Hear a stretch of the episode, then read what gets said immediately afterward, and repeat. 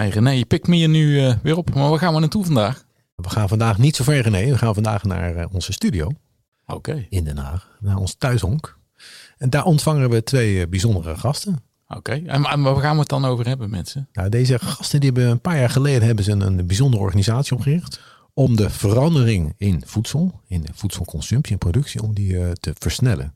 En dat doen ze op een bijzondere manier door allerlei partijen in de samenleving aan zich te binden. En daardoor een groot draagvlak met elkaar te, te creëren. Om, om daardoor uh, die transitie te versnellen.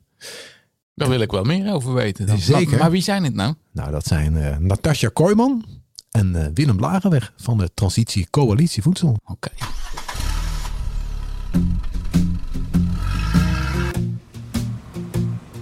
Wat is goed voedsel? Is dat gezond, duurzaam of juist betaalbaar voedsel? Dat hoe we nu eten en produceren niet houdbaar is voor de planeet of voor onszelf, daar zijn veel mensen het over eens. Hoe een goed voedselsysteem er wel uitziet, ligt een stukje ingewikkelder. Daarom kloppen René Bruins en René Schellekes aan bij voorlopers in verandering. Mensen met visie die daar wel een idee over hebben. Over wat goed voedsel is.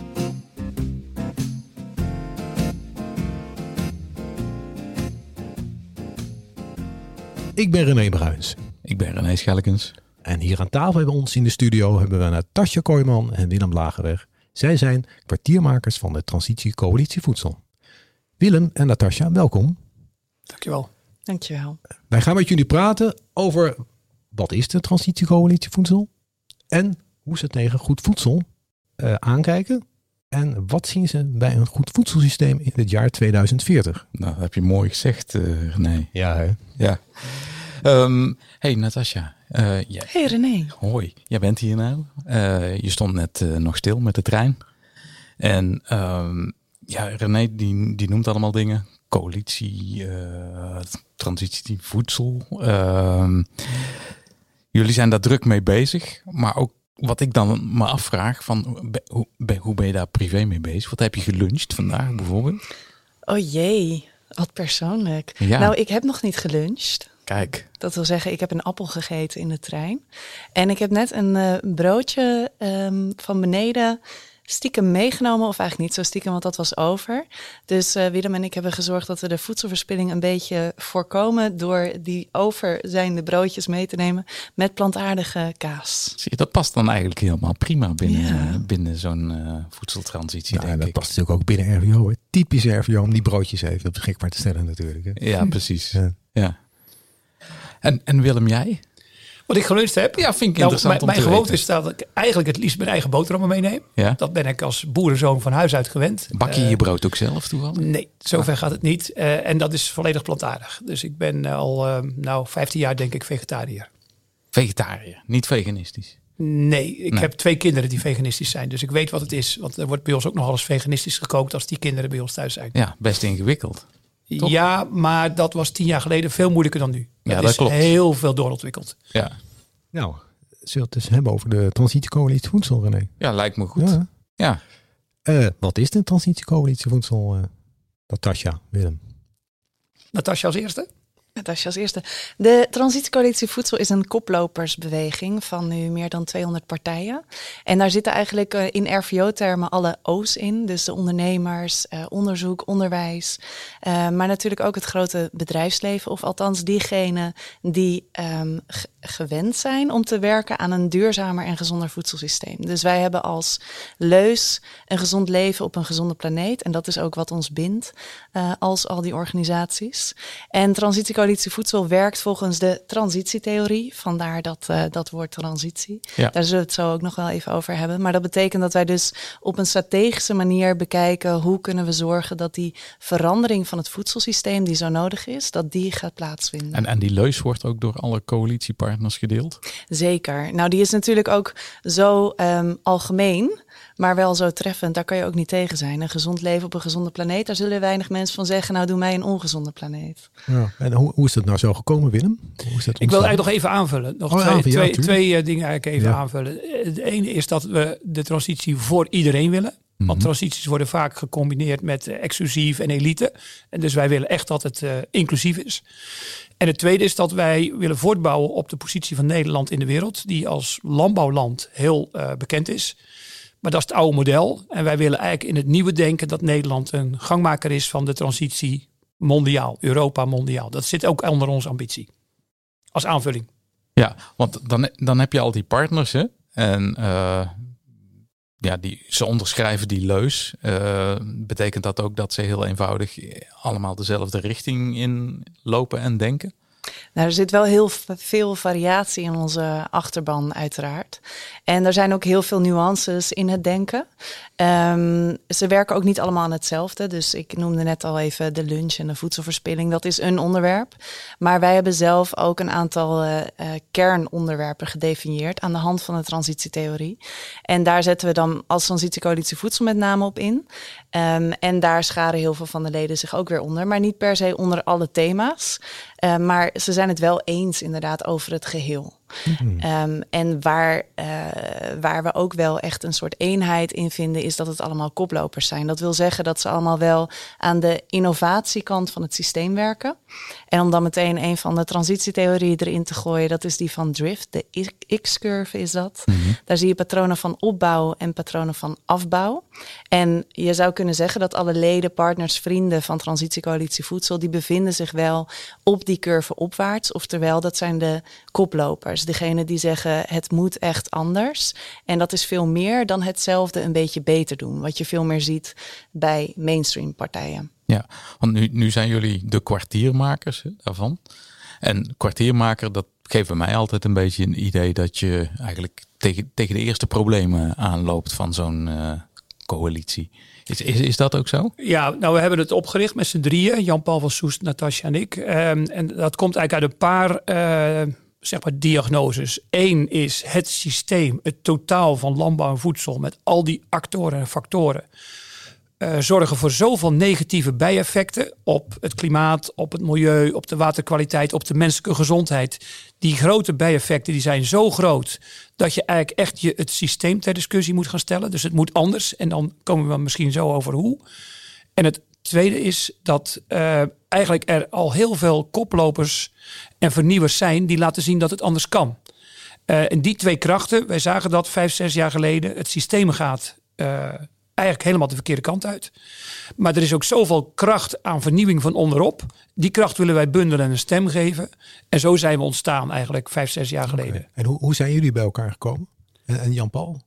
Eh, Hoe hebben jullie elkaar gevonden? Nou ja, eh, Jan-Paul en ik kenden elkaar. Eh, wij zaten in die periode bij een initiatief. wat vanuit de mainstream sector ook over de verandering ging. En daar raakten wij zwaar gefrustreerd, omdat daar helemaal niets kon. Er zaten ook mensen die niks wilden. Eh, ja, laat ik ook maar zeggen, een man als Aal Dijkhuizen, die was toen daar het boekbeeld van.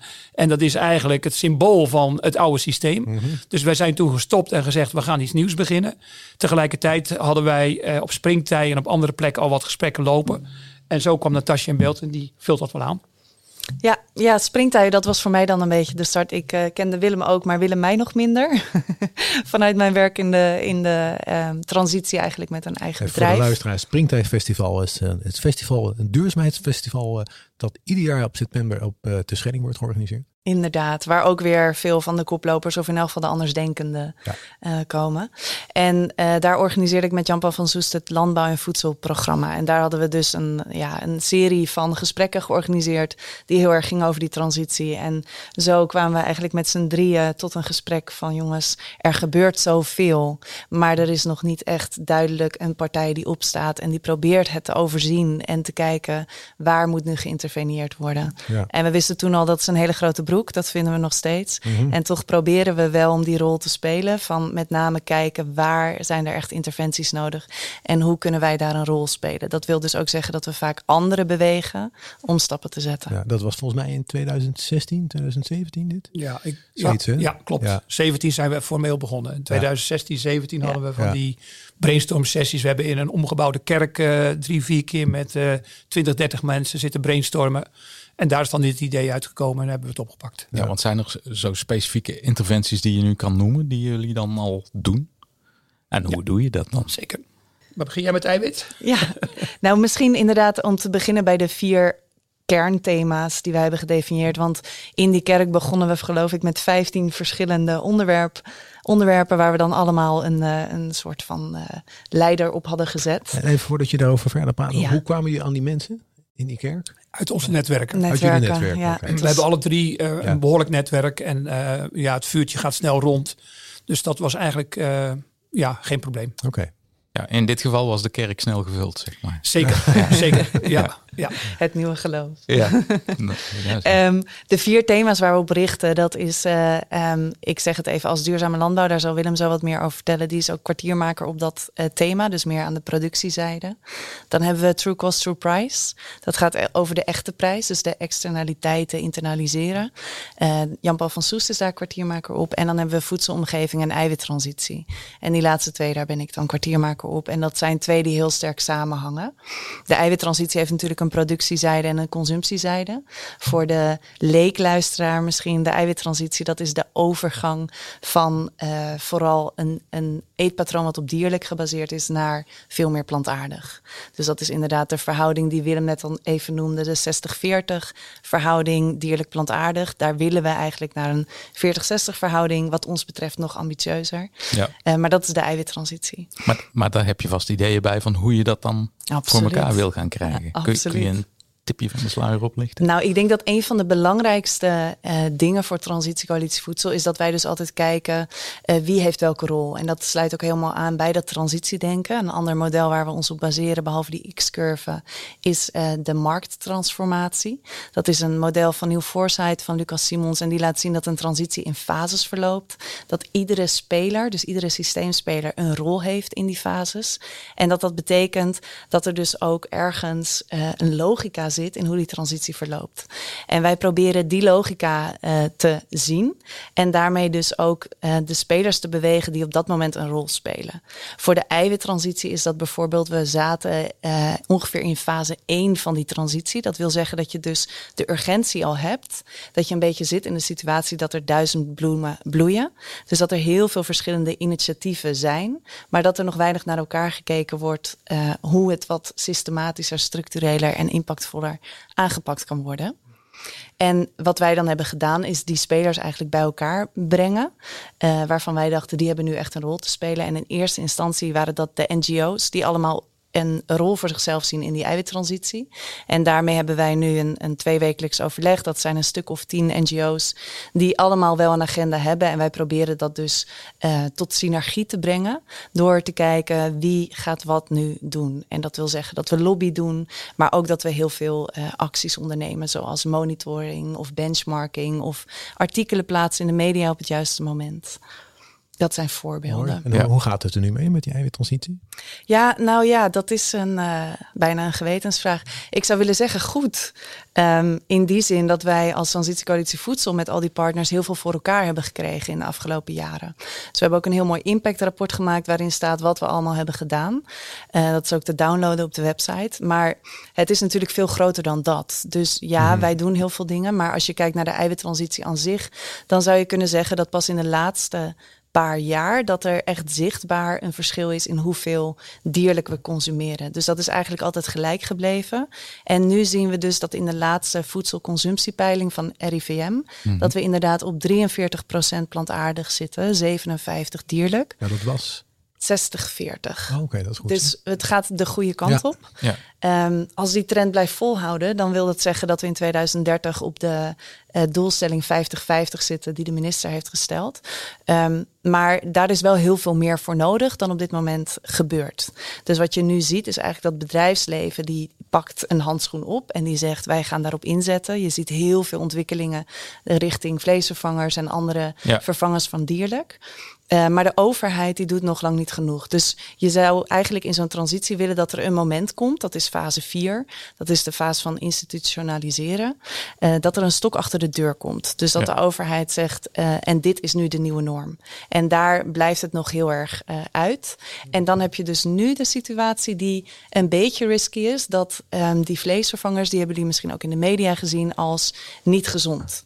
Dus eh, er is wat heisa over, over de vervangers van dierlijke producten Ja. die nu weer dreigen in het hokje te komen Oh, van dat moet ja. je niet eten. Ja, Ja. de- Waarmee je dus een kans hebt dat die transitie naar meer plantaardig misschien weer lichtelijk me- terugvalt. Wat ik me dan altijd afvraag, uit welke hoek komen dat soort opmerkingen dat het minder gezond zou zijn? Maar Ja, nou dat is, eh, het is natuurlijk een heel strategisch spel. Dus wij Ja. zijn niet de enige die heel Ja. goed kijken naar wat gebeurt er. Zo zijn er natuurlijk ook heel veel van de mainstream partijen die zeggen het is zoals het is en het zal blijven zoals het is. En we doen Ja. het wel een beetje beter. ja, ja, wij mensen houden van eh, ja, de dingen die we kennen. Ja. Maar toch- Misschien toch even, we moeten de ongemakkelijke waarheden ook, ook in dit soort transities niet uit de weg gaan. Het Nee. is ook waar dat in vleesvervangers eh, nogal wat eh, toevoegingen zitten. Vetten, sui- vet, suiker, zout of allerlei andere toevoegingen die niet gezond zijn. Dus Ja. ook de wetenschap, hè, Jaap Seidel, een van de mensen uit ons eh, eigen netwerk, is er ook kritisch op. En dat geldt wel natuurlijk voor ons als transitiecoalitie. We zijn geen actiegroep, we zijn geen lobbygroep. We, zijn, we proberen analytisch te kijken naar de veranderingen. Mhm. De vinger op de zere plek. Hè. We zeggen we kijken het monster volledig in de bek. Ja. We praten over de ongemakkelijke waarheid. En dan gaan we zoeken naar oplossingen om uiteindelijk tot eh, systeemverbetering te komen. Maar dat betekent dat je je eigen theorieën ook scherp moet blijven op eh, waar je voor staat. En wat daar dan aan mankeert, om dat dan misschien ook weer eh, bij te stellen. Ja, dat want- wel bij onze club. Want wat gebeurt er dan in, in zo'n coalitie op het moment dat die verhalen opkomen van hey, die vleesvervangers zijn minder goed? Of minder gezond, laat ik het zo zeggen. Nou, het is ehm, heel belangrijk wat Willem zegt, is dat het uitgangspunt van Transitiecoalitie Voedsel is gezondheid en duurzaamheid. Mhm. Dat wil zeggen dat we dus een, een, uiteindelijk een voedselsysteem krijgen wat gebaseerd is op gezond voedsel. Niet Ja. op winst, niet op het behouden van bepaalde bedrijven, maar echt op gezond voedsel om ons te voeden binnen de planetary boundaries. Oftewel niet de aarde schadend. Nee. En als je dat als uitgangspunt neemt, dan betekent het dus ook dat het heel mooi is dat we een soort van transitiefase hebben naar een meer plantaardig eetpatroon door producten die makkelijk eh, te gebruiken zijn door de consument. Maar niet dat we kunnen zeggen, daarmee zijn we er. Nee. Dus ergens eh, is het niet zo heel erg dat er een discussie plaatsvindt over die gezondheid van die vervangers. Want daardoor krijg je wel een beweging naar. Er zijn natuurlijk zat bedrijven die wel echt pure producten gebruiken. Eh, en die willen we uiteindelijk veel meer eten. Dus wij willen ook dat we naar een voedselpatroon gaan wat wel gezond is. En of dat is met vleesvangers die helemaal voldoen aan de richtlijnen. Of eh, met alleen maar pure producten. Dat, Ja. is dan, eh, dat zijn twee wegen die naar hetzelfde leiden. En waar- waarom vind jij dat zelf zo belangrijk? Waarom ik dat Ja, zelf... waarom doe je dit? Ja, jij was van de persoonlijke ik vragen. ben van de hè? persoonlijke vragen. Ja. Ik vind dit heel belangrijk. Ik, nou, dan moet ik gewoon teruggaan naar, ik weet niet waarom, maar eh, voor zover ik mij kan herinneren, was ik ontzettend begaan met eh, diertjes en eh, natuur. En dat eh, zit er eigenlijk, eh, dat is er gewoon in blijven zitten. Dus ik vind dit zelf belangrijk, omdat het mij echt heel erg aan het hart gaat hoe wij op dit moment met de wereld omgaan. Ja. En eh, vooral dat wij onszelf op een manier toch erboven plaatsen. En dat wij niet zien dat we onderdeel zijn van die wereld, van dat ecosysteem. En daarmee ook met wat meer respect om zouden moeten gaan met die bronnen die we gebruiken alsof het Is dat dan iets wat je van huis uit meegekregen hebt? Of zit dat in jou als persoon gewoon? Ja, Als dat al kan, hè? die twee dingen scheiden. dat is moeilijk inderdaad. Het Ja. is niet zo dat ik uit een huishouden kom waar, eh, eh, waar we vegetarisch aten of ehm, dat. eh, Dat, dat Nee. niet. Maar nu Nee. wel of niet? Nou ja, nou in mijn huidige huishouden. Ja, ja, maar die heb ik zelf gekozen. Ja. ja. En als je bij je ouders bent en je trekt de koelkast open en daar staan. eh, Nou, eh, mijn moeder, dat is echt een, een immens adaptieve vrouw. Die is eh, pas geleden ook klimaatburgemeester van Woudenberg geworden op de Oh, eh, kijk. 72ste. Hupsakee. Maar die is, die is eh, helemaal om. Dus die eh, heeft mij ook een tijdje geholpen met mijn bedrijf. En die probeert mijn vader, die wat minder flexibel is, te bewegen naar eh, andere keuzes. Ja. Eh, dus die heeft haar eigen strijd te voeren in haar, in haar huis. Maar ja, ik zie daar heel duidelijk Ja. verandering. Maar ze is duidelijk bezig in haar eigen cirkel van invloed. Absoluut. Ja, ja, Ja. ja. Ja. Hoe geldt dat voor jou, Willem? Ja, ik kom uit een gangbaar landbouwmilieu. Hè, Mijn vader was een gemengd bedrijf. Daar gaan we overigens wat mij betreft, als het gaat over de toekomst van de landbouw, wel weer meer naartoe. hè. We hebben de landbouw heel erg gespecialiseerd. Mhm. En eigenlijk zijn die mengvormen, dat is eigenlijk waar we in de, in de moderne kringlopen naartoe willen. Eh, voor mij is een heel belangrijk moment geweest het rapport van de Club van Rome, 72. Toen was ik net eh, een beetje aan het studeren. En uh, dat heb ik toen gelezen. Dat gaf heel duidelijk aan de grens aan de groei. En sindsdien, dat is bijna 50 jaar geleden, sindsdien staat het rapport permanent op mijn bureau. Dat is een soort gezel in mijn leven geweest. Mm -hmm. Dat niet zo letterlijk, maar wel als signaal. Wij als mensen zijn op een ongelofelijke manier bezig om de aarde uit te putten. Dat zat heel erg in die grenzen aan de groei uh.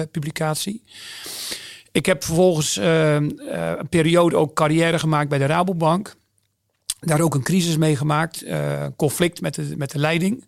En ik heb toen bepaald, ik was toen begin 40, ik ga vanaf nu alleen maar echt daadwerkelijk voor een betere wereld werken. En dat heb ik eerst nog een tijd lang binnen de Rabobank kunnen doen. En later met andere initiatieven als MVU Nederland. Dus je kunt zeggen dat dit denken, dit inzicht, uh, kom uit de natuurlijke omgeving. Dus ik ken de dieren en de, en de natuur mm-hmm. van huis uit. En dat, dat zit gewoon in je. Maar dat is toch wel door zo'n publicatie uh, eigenlijk heel erg aangewakkerd. En daar heb ik me eigenlijk uh, ja, instrumenteel aan gemaakt voor de rest van mijn leven. Ja, dat is gewoon ja. heel evident een begeleiding. En, en, dat, dat vraag ik me af. Je kwam nog bij de Rabobank. En, en hoe hoe, hoe verhouden zich dat? Die, die, die, die... Ja, ik praat over de Rabobank zeg maar nu al bijna twintig jaar geleden. Mm -hmm. Maar uh, de Rabobank is van oudsher een plattelandsbank, boerenbank. Mm -hmm. Gangbare boeren. De uh, boerenleenbank. Dus boerenleenbank. Ja. Wat ik met de Rabobank had uh, en heb is, eigenlijk heb is te, te sterk nu, maar het is een coöperatieve bank die in feite het beste probeert voor de mensen waarvoor ze opgesteld staan in de, in de provincie en in het platteland en voor de boeren. Dus die gedachte, en dat is ook mijn eerste baan geweest. Dus met elkaar, eh, samen sterk, dat type principes. Uh, nou, dat zie je aan de Rabobank op het ogenblik uh, nog maar heel weinig. Het is gewoon een gewone bank geworden. Maar ik ben toen ingehuurd, uh, in dienst gegaan om die gedachte weer verder aan te wakkeren binnen de Rabobank. De verbinding met de lokale gemeenschap, leden, ledencertificaten, maatschappelijke betrokkenheid. Dus ik had een aanjaagrol binnen de bank die sterk aan het veralgemeniseren was. Dat heb ik wat mij betreft met veel liefde en plezier kunnen doen. Maar het was een uphill battle. Want die, die dominante krachten, de, zeg maar de financiële sector, de winst, het risicomanagement, die zijn ontiegelijk sterk en alleen maar sterker geworden. Mhm. Dus ik heb voor mijn gevoel, ook binnen de Rabobank, kijk ik dankbaar op terug, uh, flink strijd kunnen leveren. En, en dat was best spannend. Uh, en de strijd vanuit gedachtegoed van de Club van Rome? Ja, Club van Rome, maar ook het samen sterk idee. Want het was bij de Rabobank werd het ook steeds meer technocraten. Mm. Ja. En die maatschappelijke beweging. Uh, dus dat paste heel erg bij wie ik was. En ik heb me daar echt in mijn element gevoeld. Ook al had je strijd en conflicten en, en uh, had je stroming en dat soort dingen. Uh, maar ik ben er uiteindelijk weggegaan. ja, op een gegeven moment ben je daar ook een beetje klaar. Ik had er twintig jaar gezeten, dus ook wel mooi. En Ja. toen heb ik een club van bedrijven op kunnen richten, MVO Nederland. Ja. Die datzelfde doet voor het hele bedrijfsleven. Dat is toen de volgende tien jaar geweest Ja. in mijn leven. Want nu, nu vertelde je ook van uh, thuis hadden jullie een gemengd bedrijf. En, en jij leest het boek van de Club van Rome. Ja, En dan kom je op een gegeven moment, je studeert, dus je gaat een keer de was doen thuis of zo. Hè? Ik zeg het Ja. maar. En dan begin je daarover. Ja. Werd Ja. dat leuk ontvangen? Eh, nee, eh, want ik ben toen ook, ik heb toen op de Nuil gestemd in die tijd. en ik kom uit een liberaal milieu, dus echt. VVD-milieu. Ja. Dat werd niet begrepen. Ik kan me het moment nog herinneren. Mijn moeder lag toevallig toen even in het ziekenhuis. Toen vertelde ik aan het ziekenbed aan mijn familie dat ik de Nuil ging ste- stemmen. Een goed moment. dat was niet handig gekozen. Nee. En want dat heeft ook nog wel even wat eh na, napraat opgeleverd. Maar ja, dan, ja dat, dat hoort natuurlijk bij volwassen worden. Ja. Je maakt je keuzes. En eh, Ja. Wat studeer jij? Eh, Wat heb je ik, ik, gestudeerd? ik heb toen marketing gedaan. Dus Ja. economie en dan marketing, met name de marketingkant. En eh, ik ben toen vrij snel, mijn eerste baan was al toch in de wereld van landbouw. Want ik heb in de laatste fase van je wilde studie- geen boer eh, worden? Nou, dat is het punt. Ik heb, eh, aanvankelijk had ik daar niet die affiniteit mee. Mhm. Toen werd mijn vader ziek. Die moest het ziekenhuis in voor een aantal maanden. En eh, ik zat in dienst en ik moest op de boerderij zijn rol overnemen. Oudste zoon, dat gaat niet vanzelf. En dat heb ik met ongelooflijk veel plezier gedaan. Dus ik heb toen eigenlijk echt mij overgeleverd aan het boerenvak. Een maand of zes ongeveer. En even geaarzeld of ik toch niet boer moest worden. Dat heb ik niet gedaan en ik heb er achteraf ook nooit spijt van gehad. Maar toen zat ik wel echt even, toen ik echt voelde wat het boerenvak was. Dacht ik, ja, het is ook wel een geweldig eh, bestaan buiten met dieren. En Ja. nou ja, alles wat je eigenlijk in de natuur aantreft, dat, daar werk je mee. Ja. Ik kan me wel voorstellen dat als je dat een tijdje gedaan hebt, dat nu in gesprekken die je dan hebt met boeren waarschijnlijk, je wel beter in kan leven in de situatie. Ja, ik heb heel veel gevoel bij die portefeuille waar ik nu eh, ook op zit. Hè, dus die, die transformatie in het eh, boerenleven. Uh, nou, we, hebben, we praten nu net een twee dagen na de verkiezingen van de provinciale staten. En dan zien we hoe zeg maar, die groep zich enorm miskend voelt. En, en uiteindelijk nu wel een enorme politieke stem is geworden. Daar waar ze dat heel lang niet waren. Ja. Uh, er horen wel kritische opmerkingen bij. Want dat je uit het milieu komt, wil niet zeggen dat je het altijd met het milieu eens bent. En uh, ook hè, als het gaat over transities, mm gaat het over pijn en over moeite. Mm -hmm. Het is in boerenkring op het ogenblik emotioneel, hè, want men staat onder druk. Dat is alleszins begrijpelijk. Maar er zit ook in boerenkring een hele stroming van intimideren, uh, heel veel grote woorden, heel veel disqualificeren van goed bedoelde inzet. Dat hebben ja. wij ook als transitiecoalitie ervaren. Dan ben je met de beste intenties bezig om perspectief te bouwen. En dan word je weggezet als een stedeling of, nou ja, dan krijg je allerlei ja. kwalificaties. Dat is nog maar een hele Nee, voorzichtige. Dat kan- zit ook in de boerenkring. Ja, maar ik kan me ook voorstellen, als je maar genoeg in nauw gedreven voelt, dan ga Ja. je gekke dingen Ja. doen. Ja, Ja. ja. Ja. Ja, nog, nou, En- nog even, toch even over wat je, wat je het hebt over. We zitten nu eh, twee dagen na de verkiezingen. Eh, deze podcast wordt wat later eh, uitgezonden. Hoe, hoe voelt dat nu? Als je kijkt naar jullie missie en, en Ja. de, kun je daar iets over zeggen? Ja. En, en, en, en Ja. de BBB die naar nu eh, de verkiezing heeft gewonnen. Ja, nou ja, Natasja zei net al even, transities hebben bepaalde patronen. Hè? Patronen van afbouw, patronen van opbouw. En je ziet dat er een patroon van afbouw in de landbouw gaande is. Landbouw en de industrie daaromheen. Die nu zo hard is. Hè? Dus de beperkingen om te mogen boeren in eh, nog een van de natuurgebieden als voorbeeld. Hè, door de stikstof. Die is nu zo hard en zo op persoonsniveau dat dat een enorme emotie oproept. En dat is heel begrijpelijk. En dan, als je het over transitietheorie hebt, dan leer je gewoon dat er niet rechte lijnen zijn naar boven, maar dat er dus zeg maar golfbewegingen plaatsvinden. We staan nu echt even op een periode van chaos, dat is de ene kant, maar ook even van reflectie.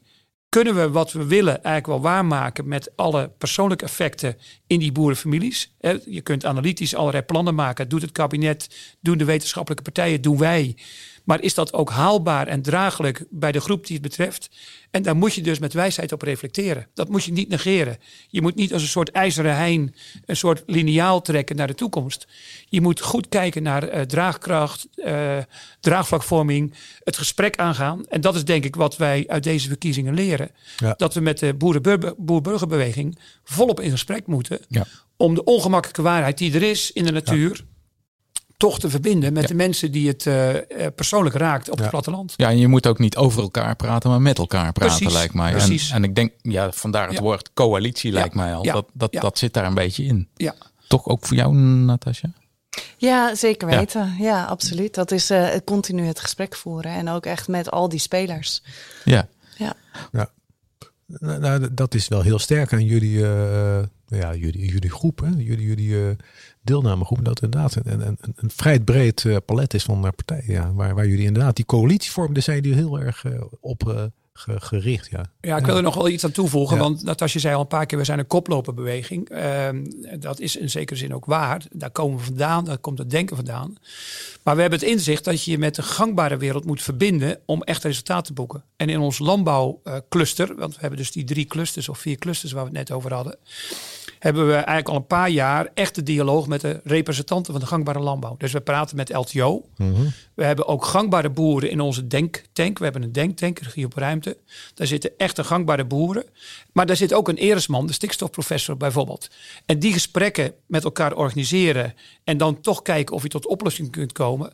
Dat is een van de strategische keuzes die wij maken in dat landbouwcluster. Om Ja. toch het gesprek aan te gaan met degene waarvan je weet dat die de grootste verandering moeten doormaken. Ja, Ja. want het is natuurlijk op, dat vind ik altijd, eh, wij werken binnen de energietransitie werk ik zelf en dan heb je, werken we ook vaak met koplopers.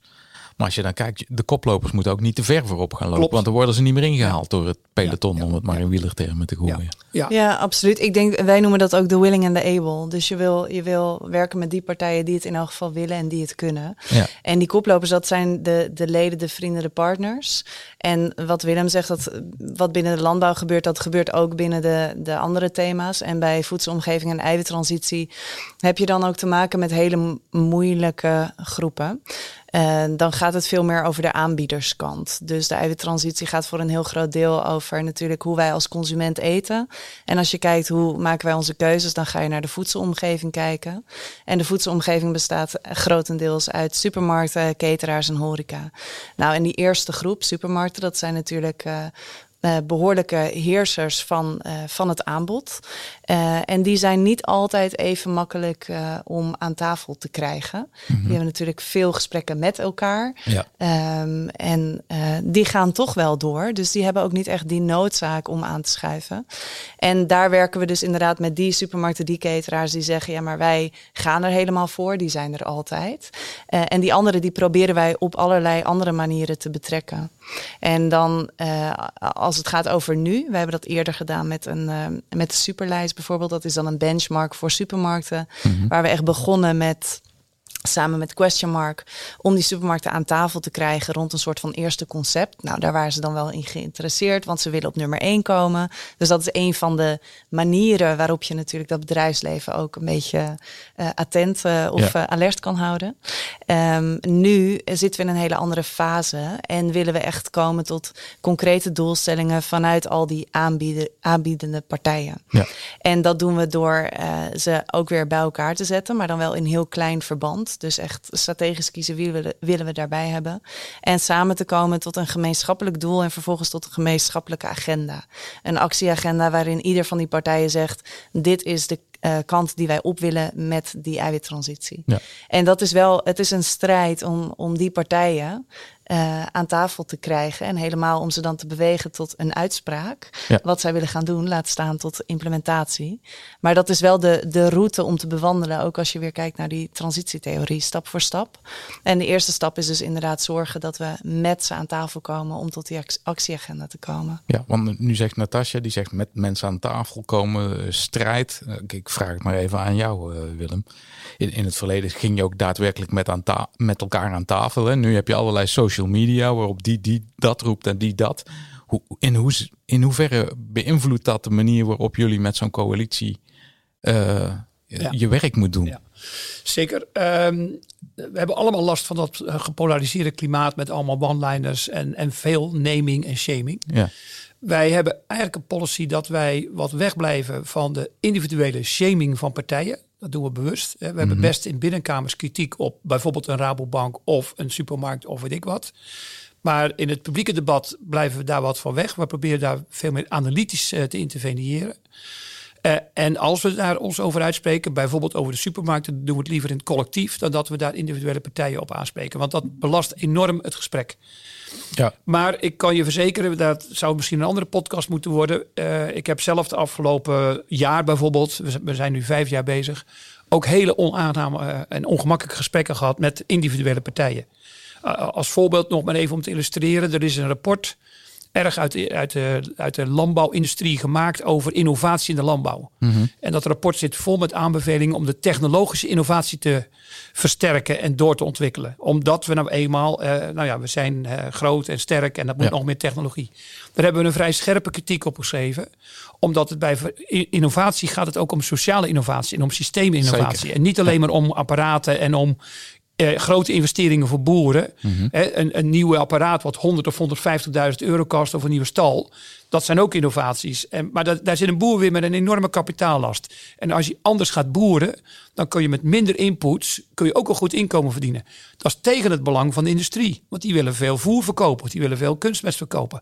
Als je dat soort dingen aan de kaak stelt... Ja dan word je gebeld uit hogere kringen van waar ben je nu mee bezig? Ja. Uh, of uh, je wordt de tijd weer gemeden in gesprekken. Ja. Hè? Of er wordt, uh, wordt ook gemanipuleerd dat je bij bepaalde gesprekken niet aan tafel zit. Dat zijn dingen die ons ook overkomen.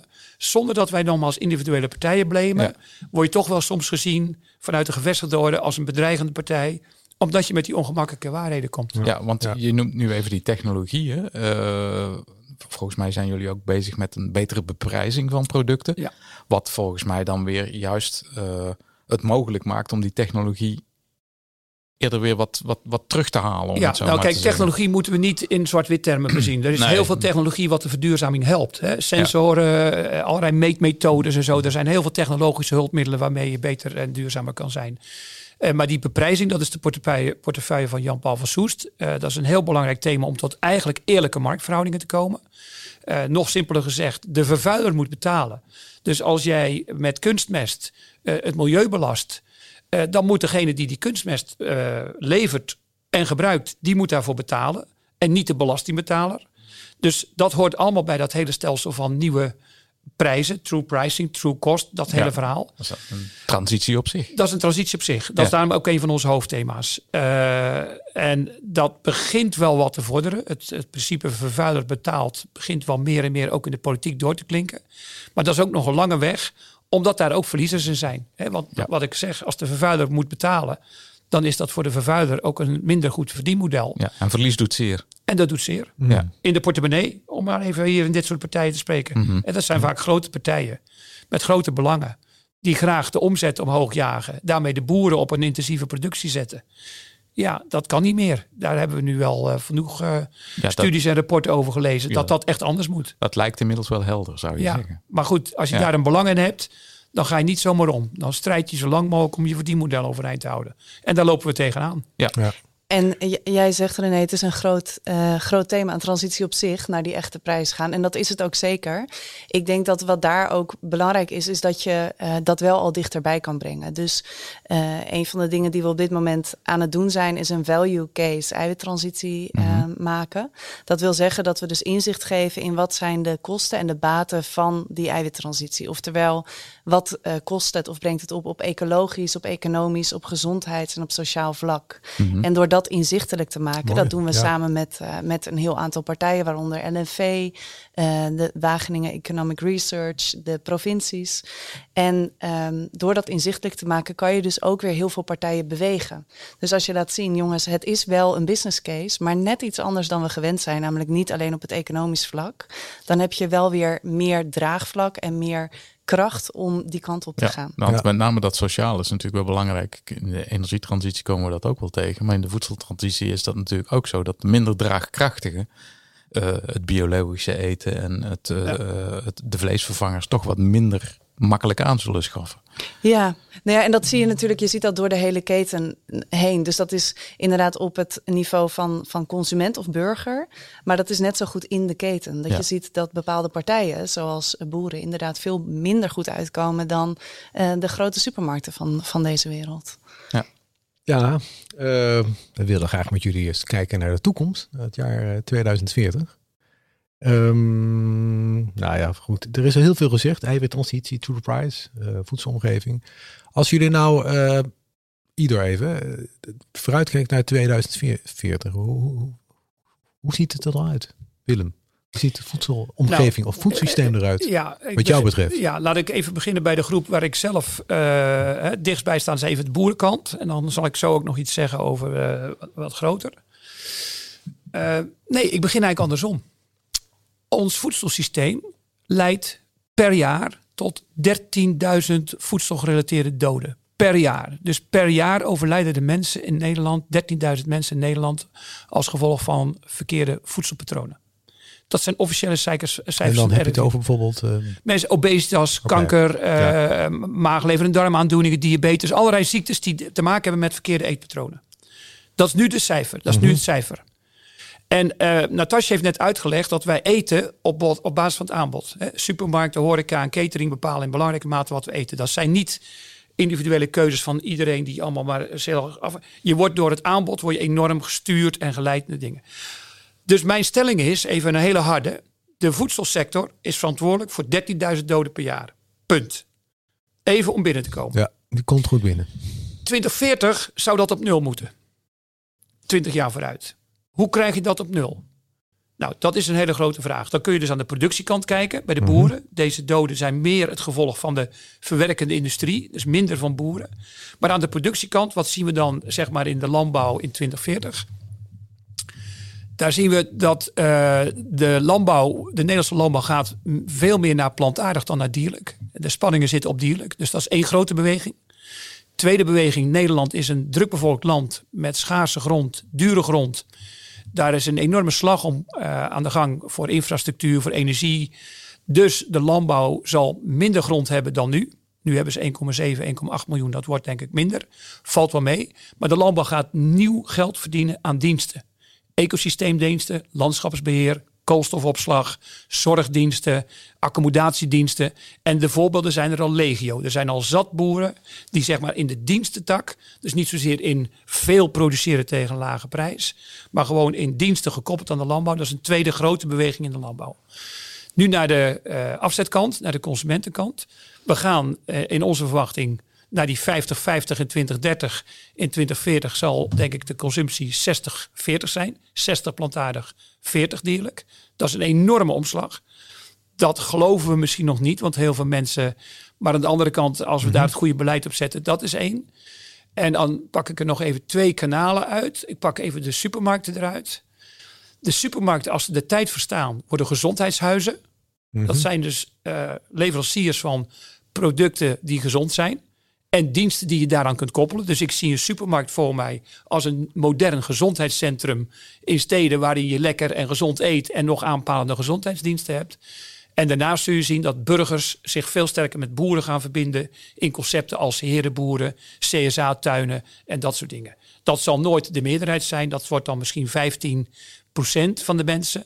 Maar daarmee breng je burger en boer weer dichter bij elkaar. Dit zijn mijn beelden bij 2040. Mooie beelden. En de, hoe, uh, hoe makkelijk is dit uh, haalbaar? Ja, het is niet makkelijk. Veel mensen zullen zeggen, ja. je bent gek, het is onzin. Ja, uh, en, en, en nogmaals, als je wat meer in de onderliggende patronen kijkt, hè, dus waar we het net ook over hadden, dan verwacht ik toch dat nou, al die, al die negatieve effecten waar we over spreken, die leiden tot interventies van overheden soms moeilijk. We zitten nu in een impasse even met die Mhm. verkiezingen. Maar ook door interventies van het financiële stelsel. De financiële instellingen, de banken, de beleggers, de financiële toezichthouders, de ministeries van Financiën. Die zien dat aan die productiewijze van nu zoveel externe kosten verbonden zijn. Zoveel risico's, gezondheidskosten, klimaatkosten. Dat men gaat ingrijpen en dus de vervuiler meer dwingt te betalen voor de. En als dat goed op gang komt, dat is al een beetje op gang. Met name in Europa zie je daar de Green Deal als voorbeeld van. Als dat zich doorzet, optimisme, Ja. dan gaat dat echt ook wel het systeem veranderen in 2040. En dan kunnen we, komen we hier in de buurt. Ja, gaan we, dan, wij gaan dan minder produceren in Nederland. Dat denk Ja, ik wel. ja. En dat is geen ramp, want wij Nee. produceren hier heel veel met heel veel negatieve effecten. Ja. En we gaan met name minder dierlijk produceren. Ja. Maar we gaan meer plantaardig en we gaan meer diensten. En dat leidt tot goede inkomens voor boeren, is Ja, mijn verwachting. mooi. Hoe, hoe zie jij dat, Natasja? Ja, ik zou willen zeggen, wat kan ik hier nog aan toevoegen? Ehm, ik denk ehm, dat, dat om, om het samen te vatten, wat, eh, wat er in het grote anders is, is dat we eh, gezondheid voor de mens en voor de planeet als uitgangspunt hebben voor productie, voor consumptie en voor beleid. En als ik dat zeg, klinkt dat misschien als ja, maar hè, dat is toch logisch? Dat zou je zeggen, maar op dit moment zou je in een eh, eender welk beleidstuk over landbouw vind je het woord gezondheid niet. En een beleidstuk over gezondheid vind je het woord landbouw niet. Dus die twee werelden die zijn gescheiden. Gezondheid en duurzaamheid zijn gescheiden. Landbouw en voedsel zijn gescheiden. Dus je zou zeggen, we doen landbouw voor voedsel, maar dat tegendeel is waar. In, waar. in Nederland exporteren we eh 75% van wat we maken op dit moment. En we importeren 75% van wat we eten. En ik denk in 2040 dat dat eh, inderdaad gaat veranderen. Dus dat we veel meer richten op wat kunnen wij bijdragen aan de gezondheid van de mens zonder de aarde daarmee tekort te doen. Ja. En misschien niet alleen maar voor eigen land produceren, dat wil ik absoluut niet zeggen. Maar wel veel meer kijken naar wat Willem zegt. Kan je ook eh, alles wat wij hier leren in Nederland, als we die koploperspositie behouden, hoe kunnen we dat ook weer exporteren naar de rest van de wereld? Ja, als, als ik dan aan jou zou vragen van heb je nog een oproep aan degene die naar deze onze podcast laatste vraag meteen van dit interview. Oh jee. Ja, Ja, die heb ik heel simpel. oh, Eet vers en gezond. eet vers en gezond. Dat is als je als burger eh, gewoon in je, in je consumptiegedrag. En ik weet, we hebben allemaal gewoontes. Ik heb ook een hele lange periode veel gesnoept en, en vlees gegeten. Ik ben er eigenlijk voor een groot deel van af. Je voelt je veel vitaler. Dus de oproep is: begin bij waar je zelf kunt beginnen. Ja. Met je gezin en je kinderen. Eet vers en gezond. Ja, maar ik weet nog wel dat Willem bij onze bijeenkomsten heel vaak zei: voor mij geen koekje bij de koffie. Bijvoorbeeld. Ja, ja, Ja. Het is een beetje, het klinkt saai, maar Ja. het, ik mis het niet meer. Terwijl ik vroeger was ik een groot gebruiker. ja. ik herken ja. het wel. Dat ene koekje leidt tot een tweede koekje. Precies, en zo, dat zo gaat dat. Ja. Dat is Ja. precies het En nog even Ja. over gezond dan. Eet gezond en vers. Wat is gezond dan? Ja, het is een hele spreiding. Wat Ja. mij betreft mag er ook vlees bij, hè? voor alle duidelijkheid. Laten we eh, meer plantaardig, veel meer plantaardig, maar een gezond stukje vlees kan ook. Ja. Dus wat dat betreft, eh, wat mij betreft, nog een- zit er heel veel keuze in. Nou, heb je er even over na kunnen denken, Natasja? Ze weten veel meer van dan ik ook. Dat, dat zou je zeggen. nou, gezond, dat is ik denk heel makkelijk ook om de richtlijnen gezonde voeding van het voedingscentrum te volgen. Vooralsnog Tot Ja. we een nog beter alternatief hebben waar sommigen het ook. eh, En jouw oproep? mijn oproep zou zijn, nou, ik denk dat wat er ook anders zou zijn in 2040 is misschien dat wij waarden en ehm, ethiek op een manier ook nog een plek geven in discussies. Dat wil zeggen dat we dus niet alleen maar redeneren vanuit onszelf, maar vanuit onze plek op de wereld. En ehm, het is een ver van je bedshow voor velen, maar toch zou ik willen oproepen om ook na te denken: ehm, hoe ben ik als persoon verbonden aan de personen om me heen? Verder dan alleen mijn eigen huishouden en ook aan de natuur en de dieren om me heen. Dus een soort van besef van je plaats in de wereld en hoe dat misschien dan ook leidt tot andere keuzes maken. Nou, vind ik een mooie oproep. Ja, een mooie afsluiting ook bij. Ja, mag, mag, mag ik jullie bedanken voor dit eh, mooie gesprek? Jullie Ja. ook bedankt. Ja, Willem en Natasja. Dank bedankt. jullie wel.